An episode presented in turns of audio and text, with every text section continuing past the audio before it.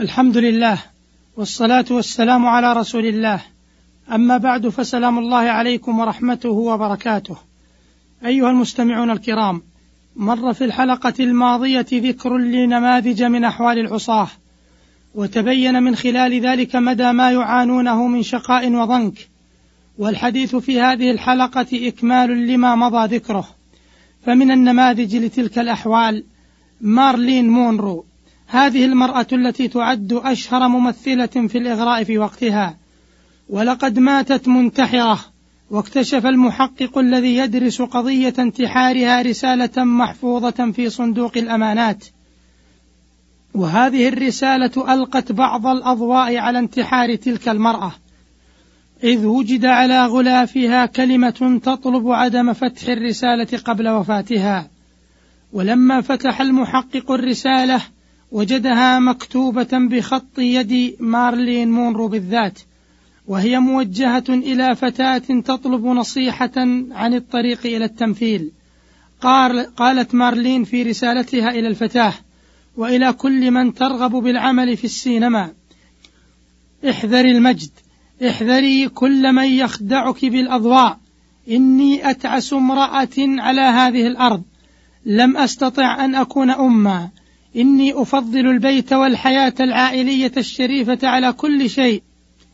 إن سعادة إن سعادة المرأة الحقيقية في الحياة العائلية الشريفة الطاهرة.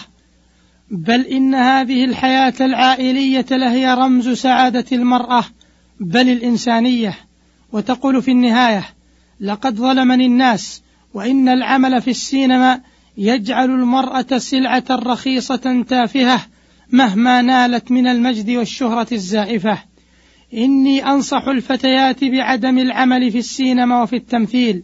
إن نهايتهن إذا كن عاقلات كنهايتي.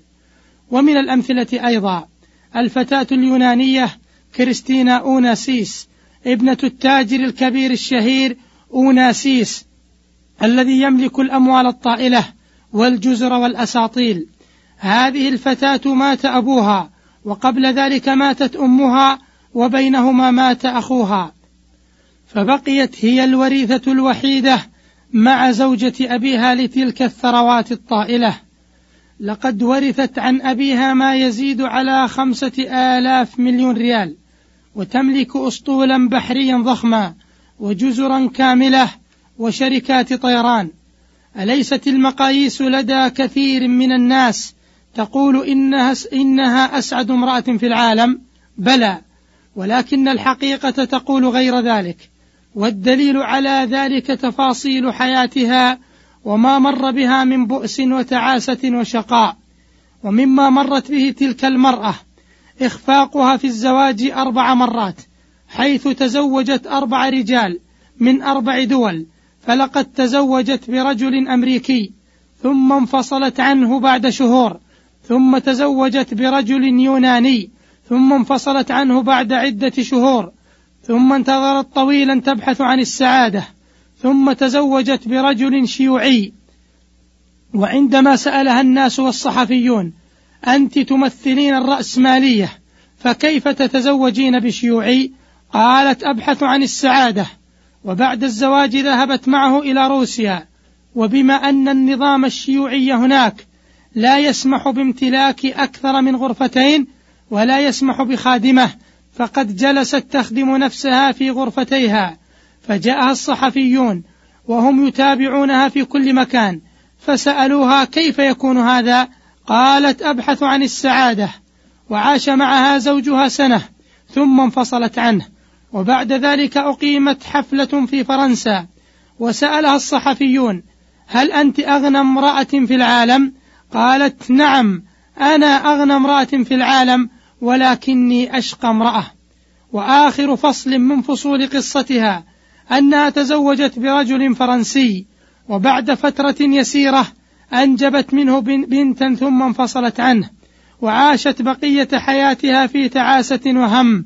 وأخيرا وجدوها جثة هامدة في شاليه في الأرجنتين ولا يعلم أماتت ميتة طبيعية أم أنها قتلت أم انتحرت. حتى إن الطبيب الأرجنتيني أمر بتشريح جثتها ثم دفنت في جزيرة أبيها. فهل أغنى عن هذه مالها؟ أما في الدنيا فلا وأما في الآخرة فستقول لأنها ماتت كافرة ما أغنى عني ماليه؟ فماذا لو كانت مؤمنة بالله واليوم الآخر؟ عاملة بما يرضي الله عز وجل مسلطة مالها على هلكته بالحق. أتراها تشقى بمالها؟ الجواب لا بل سيكون ذلك من أعظم أسباب سعادتها.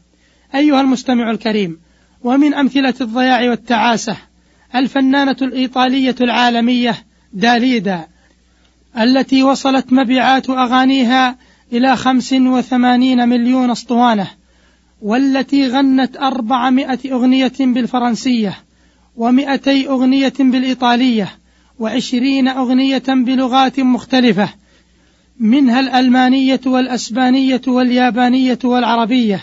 داليدا التي حققت في إحدى عشرة سنة إعجازا فنيا جعلها تحصل على أعلى الجوائز في مجال الفن. بل لقد منحت ميدالية باريس وميدالية رئاسة الجمهورية الفرنسية التي قدمها لها الرئيس الفرنسي آنذاك شارل دي جول والتي لم يحصل عليها أي فنان من قبل. داليدا التي تركت للدنيا أغاني كثيرة. خلفت ثروة تقدر بأكثر من ثلاثين مليون فرنك فرنسي. فماذا كانت حياتها في الحقيقة؟ وهل وجدت السعادة والراحة والاستقرار؟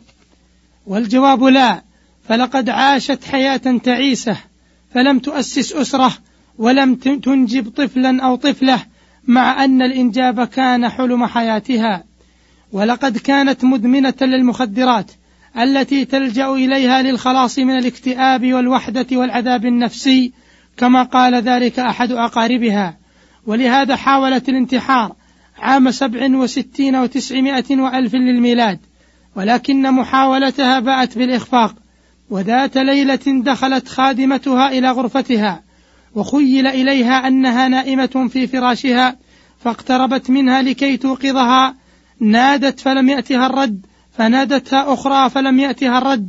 أخيرا هزت كتفها وابتعدت عنها وصرخت سيدتي ماتت. بعد ذلك نظرت الخادمة إلى يدي داليدا فوجدت في إحداهما ورقة فانتزعتها من بين أصابعها فقرأت ما فيها وإذا بها قد كتبت سامحوني الحياة أصبحت بالنسبة لي مستحيلة. نظرت الخادمة إلى يدها الأخرى فوجدتها تقبض على كأس فارغ. اتضح فيما بعد أن السيدة المنتحرة كانت ترتوي من هذا الكأس لعلمها أن الخمر تساعد على سرعة سريان المفعول للحبوب المخدرة التي تعاطتها بكثرة كي تنهي حياتها في لحظة. حدث هذا في اليوم الثالث من شهر مايو من عام سبع وثمانين وتسعمائة وألف للميلاد وعمرها أربع وخمسون سنة. ترى لو أن هذه المرأة تعرف ربا تلجأ إليه وصلاة تفزع إليها ودينا يضبط تصرفاتها وعواطفها ترى هل تكون هذه نهايتها؟ أترك الإجابة إليكم أيها المستمعون الكرام والسلام عليكم ورحمة الله وبركاته.